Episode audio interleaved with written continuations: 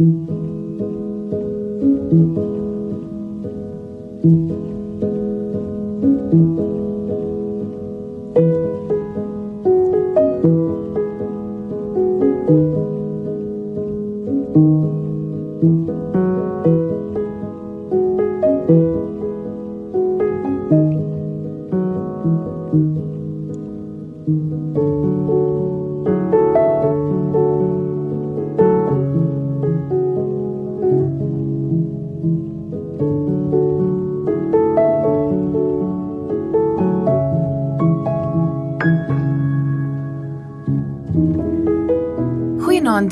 Welkom by Vers en Klank.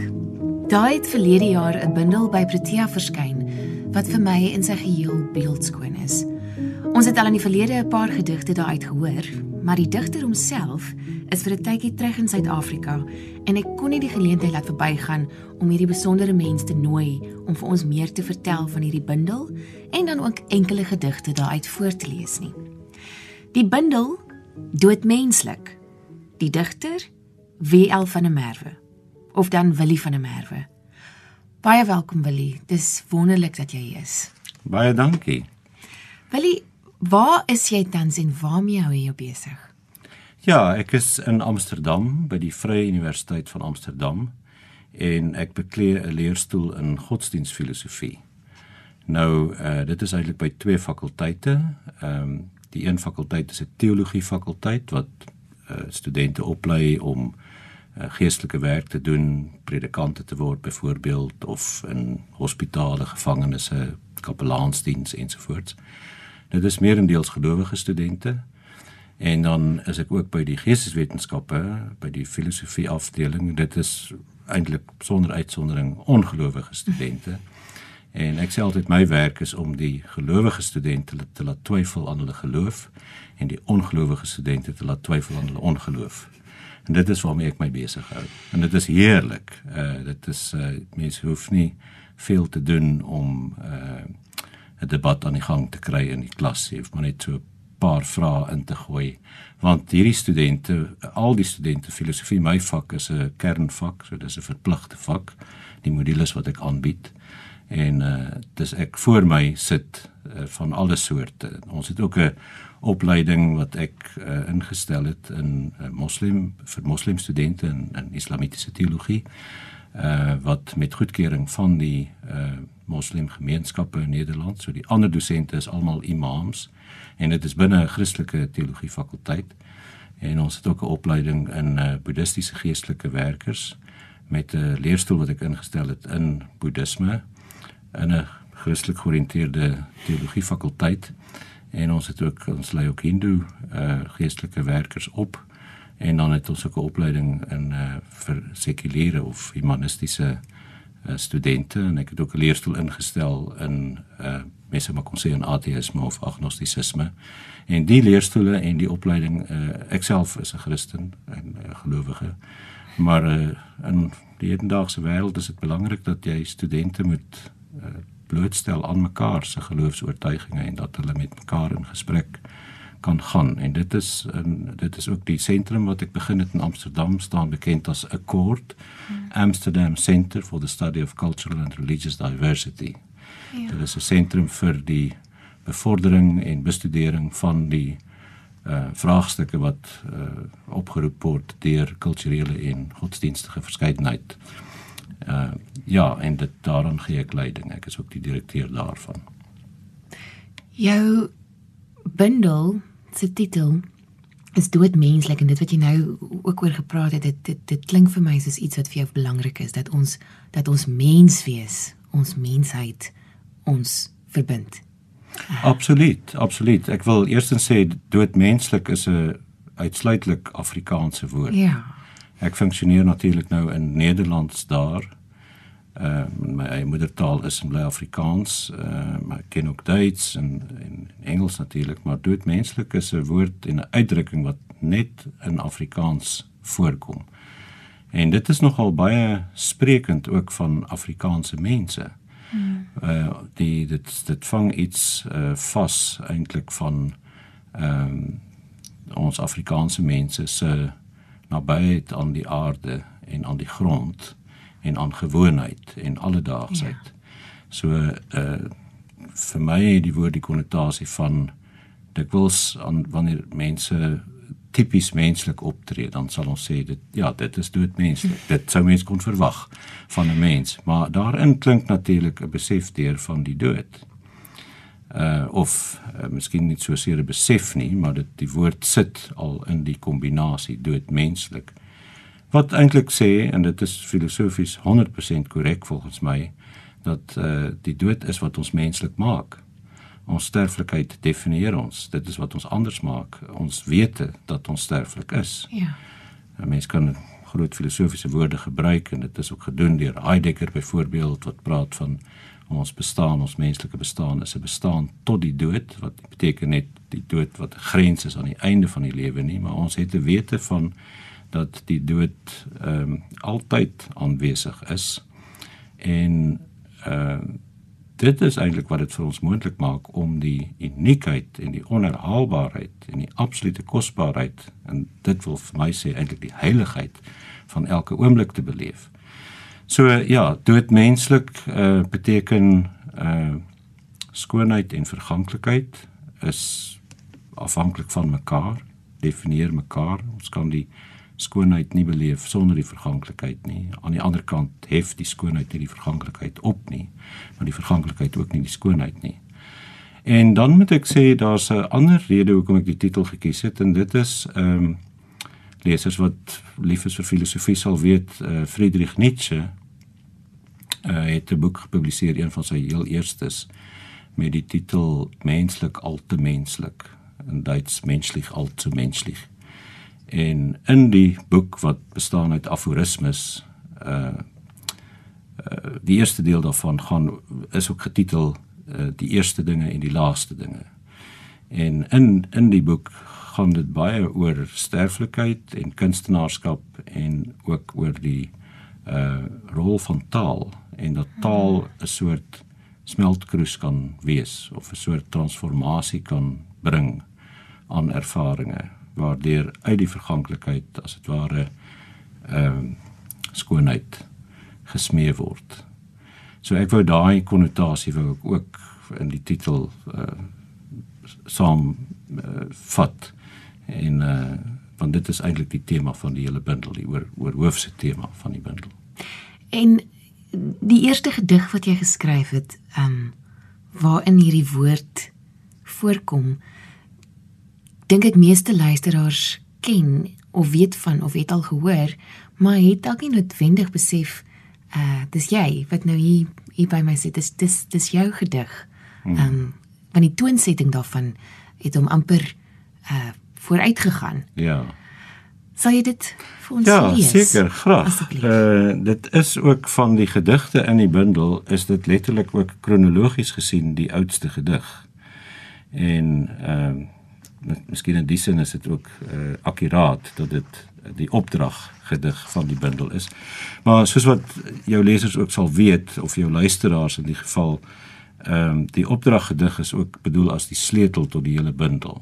So 'n mens ja. plaas uh, die opdrag gedig eerste omdat dit die belangrikste temas introduseer vir die res van die bundel en die sleutel gee vir al die ander en dit ook as dit ware moet saamtrek. Ja, die uh, so gaan dit dan getoon set deur deur deur kom die Nederlands deur uh, getoon set deur uh, Lorinda Hofmeyer. Voortaan sal ek winterskemers vlei langs loop en droë takkies van geraamte struike stroop. Wilgers sal gekruisig aan die hemel hang en ek sal doodmenslik na jou terugverlang soos na die somerse rinkink van vinke en palmiet en die onbeholpe liefde van wilde ganse tussen riet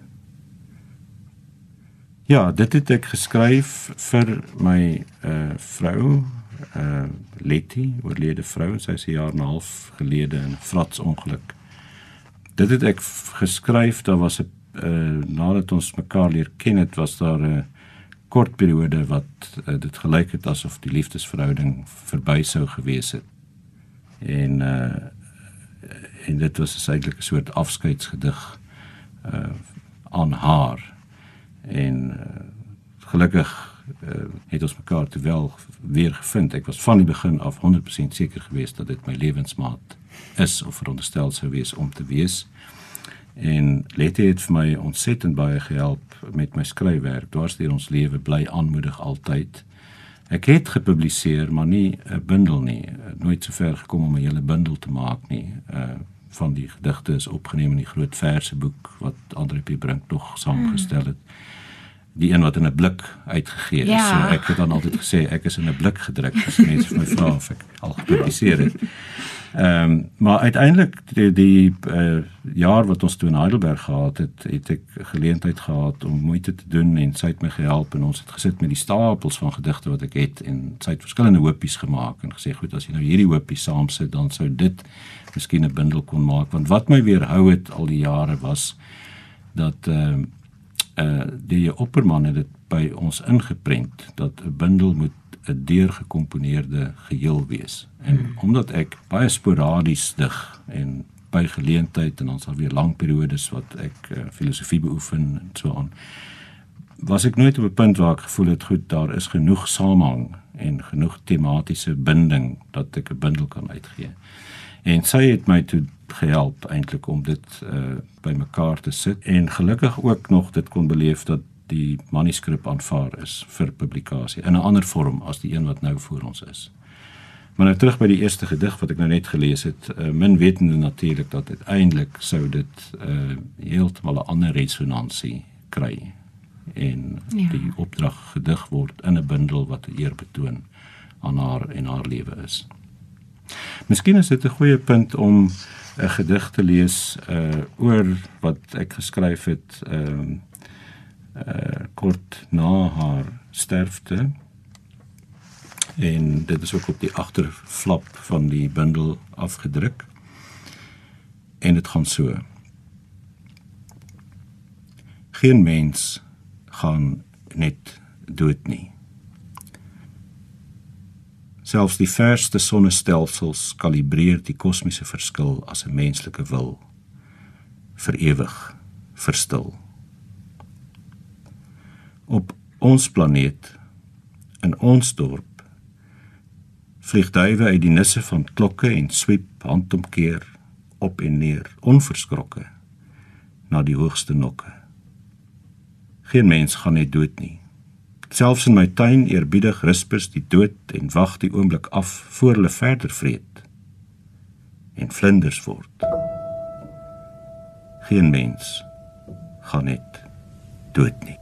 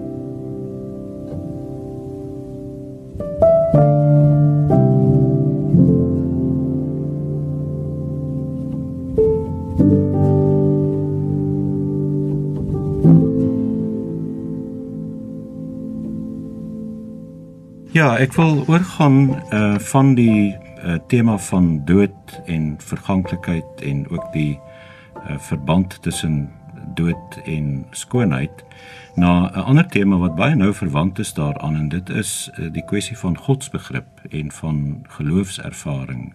Ehm um, daar's 'n hele paar gedigte in die bundel wat handel oor die godsbegrip. Ek gaan eenetjie lees wat heel kort is.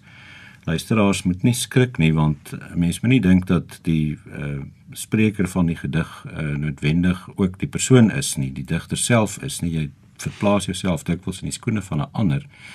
Wat my as godsdienstfilosoof dikwels bekommer en baie mense ook gewone gelowiges het soms moeite daarmee dat jy ouens kry wat dink hulle weet presies wie God is en hulle het God heeltemal in hulle sakkie en kan voorspel hoe hy optree en is dan ook teleurgesteld uh, jy weet of maak ander mense wys wat teleurgesteld is dat uh hoe God dan sou optree. Nou hierdie dit is dan eintlik wat gebeur is dat uh mense begin later glo in hulle eie godsbegrip in plaas van in God self. Ja. En ek wou dit 'n bietjie tong in die kies aan die kaak stel. So dis in die eerste persoon geskryf en dan klink dit so. My godsbegrip. Die God wat ek aanbid is 'n varkie met 'n snoet. Sy stertjie krul so soet. Sy oogies is so git, ek voer hom vet en braai hom op my spit. Nou in dieselfde lyn, uh daar was 'n uh, kerkvergadering in Trente gewees eeue gelede waar 'n uh, teoloog so arrogant was om te dink dat hulle kan nou vir eenmal vir goed die eienskappe van God vasstel en bepaal. En ek uh, wil so 'n bietjie draak steek daarmee en ek gaan nou nie verder te veel sê nie, maar dit het te maak daarmee dat 'n mens moet nie die metaforiek waarmee ons oor God praat verletterlik nie, want dan word dit natuurlik belaglik en dan maak mens van God 'n uh, monstrositeit. Daar's 'n baie ou tradisie binne die Christelike teologie self wat juis ehm uh, bewus was daarvan dat uh God is transcendent. Dit ja. beteken God gaan ons taal en ons begrip bowe dit beteken nie dat ons nie oor God kan en mag praat nie. Ons kan dit nie verhelp nie. Natuurlik moet ons. Maar ons moet altyd eintlik elke woord wat ons sê weer deurhaal, uitvee in die oomblik wat ons dit doen. Maar goed, so hier is die uh, gedig toespraak vir die konsilie van Trente en uh hier is 'n paar uh, grove woorde in, maar dit is doelbewus so gedoen. Hooggeleerde en gewaardeerde gegadigdes en begenadigdes. Onvolprese kardinale en pispale, delegate uit Rome, geagte biskoppe en ander snotkoppe. Vandag stel ek belang in God se eienskappe. Ons weet dat hy 'n oog het, want hy kan alles sien. Maar het hy ook wimpers en wenkbroue?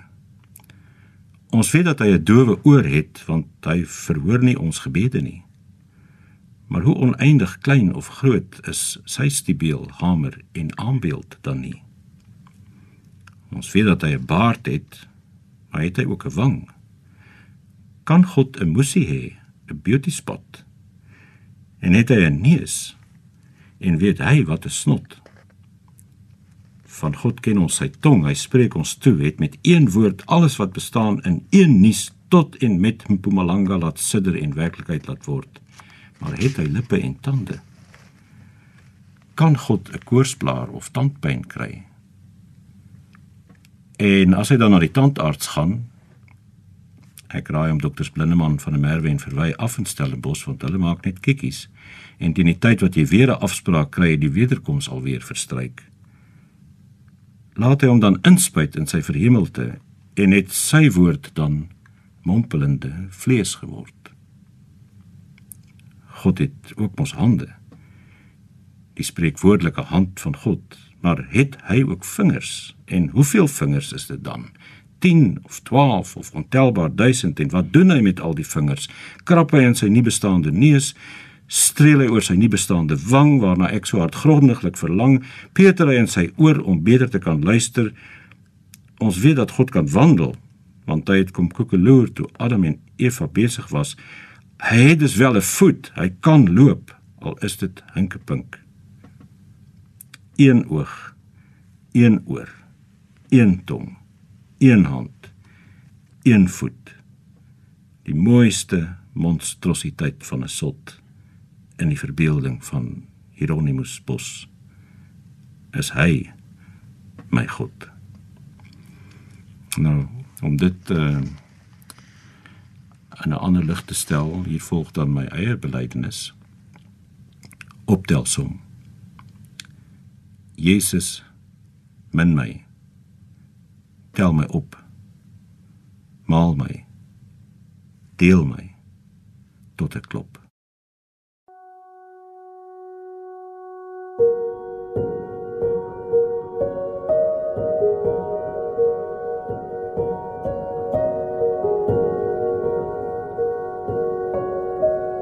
Die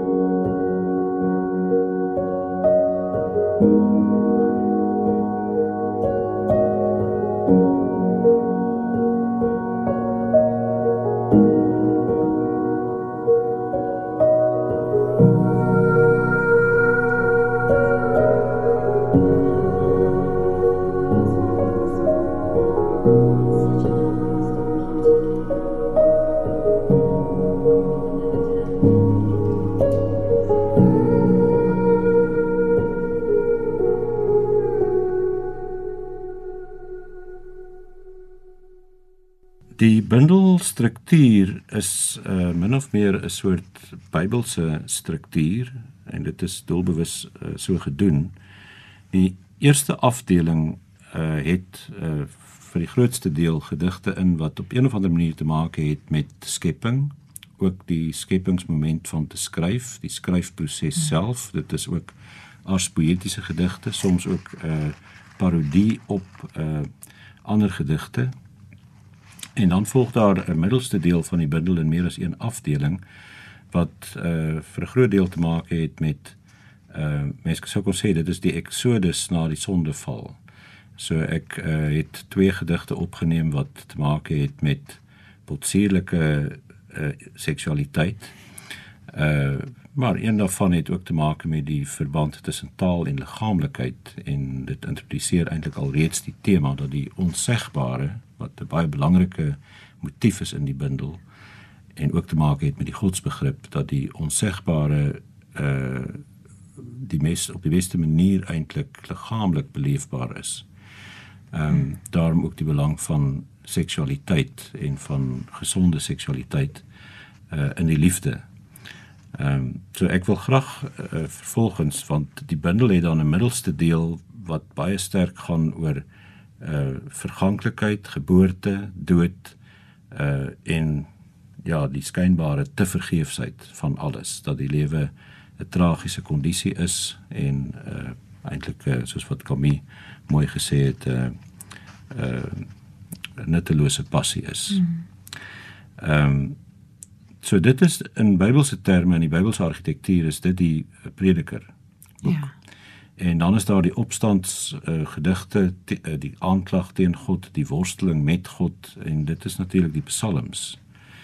Uh en die gedig wat ek gelees het oor die toespraak by die konsilie van Trente is ook eintlik 'n soort psalm, 'n hedendaagse uh psalm, aanklag psalm.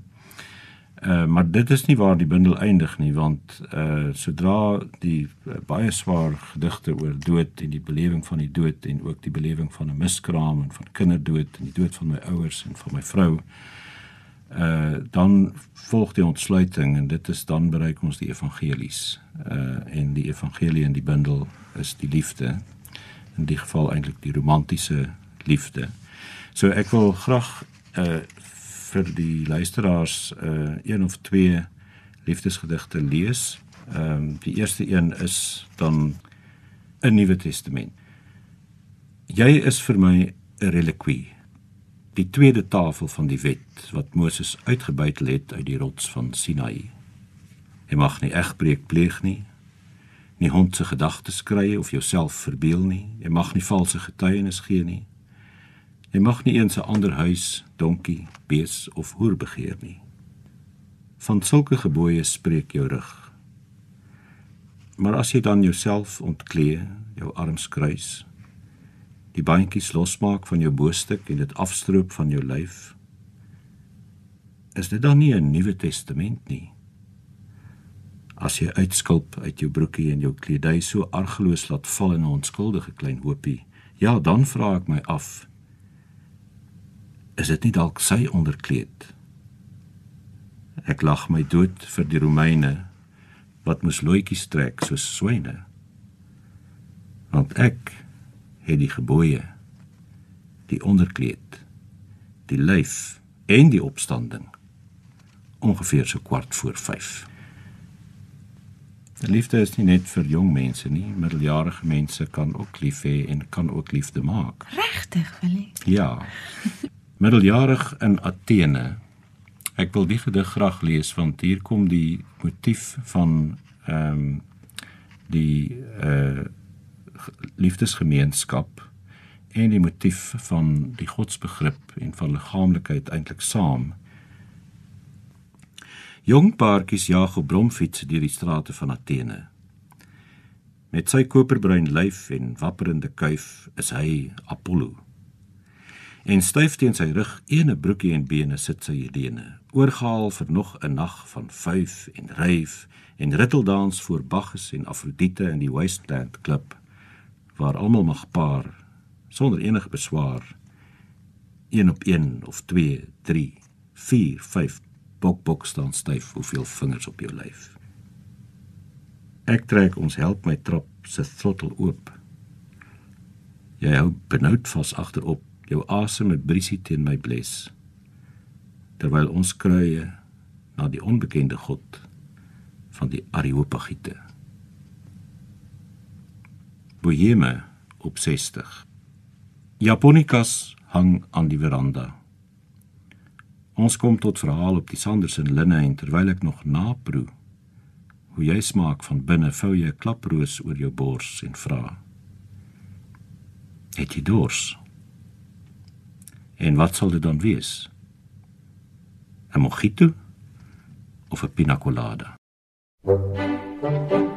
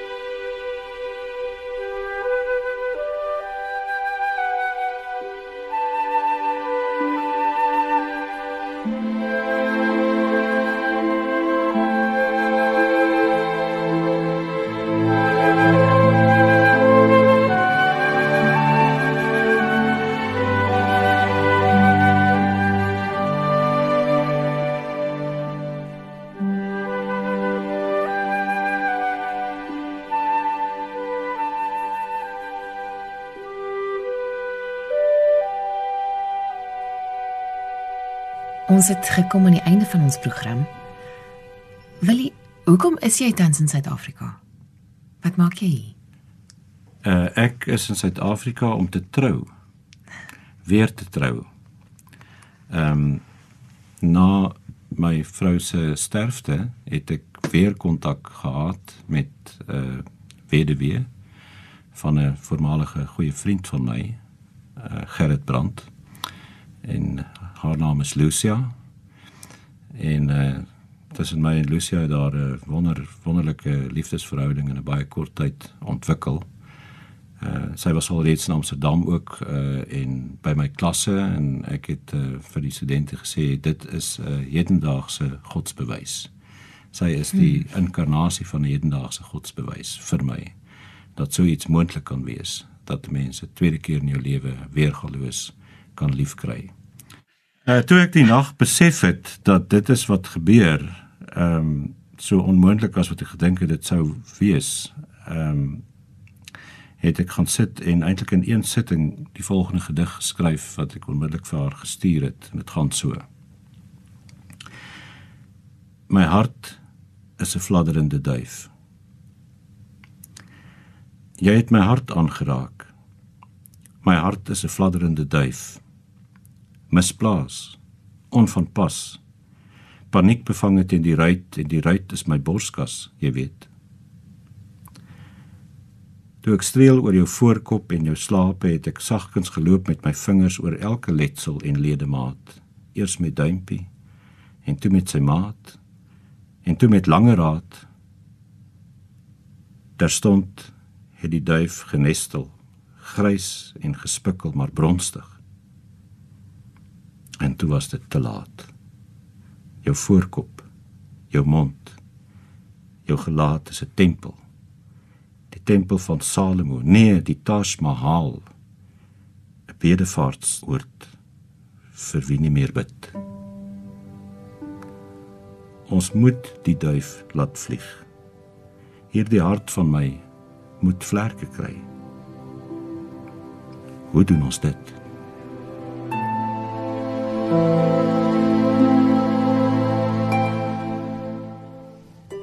Dankie, Valie. Nee, baie dankie. Ek sal graag wil gebruik maak van geleenthede om mense te ontmoet, lesers van die bundel. En ek sal graag op uitnodiging uh, lesers ontmoet. Uh, ons kan gesels oor die bundel, ons kan gesels oor die temas van die bundel, oor godsdienstfilosofiese vraagstukke. Ehm um, my e-pos is w.l.vander aan een geskryf. Merwe, so dis maar my voorletters en my van en dan die apestert soos hulle sê in Nederlands die hmm. @teken en dan vu.nl vu staan vir Vrye Universiteit en .nl Nederland. Van my en Willie mag jy 'n wonderlike vervulde week hê tot die volgende keer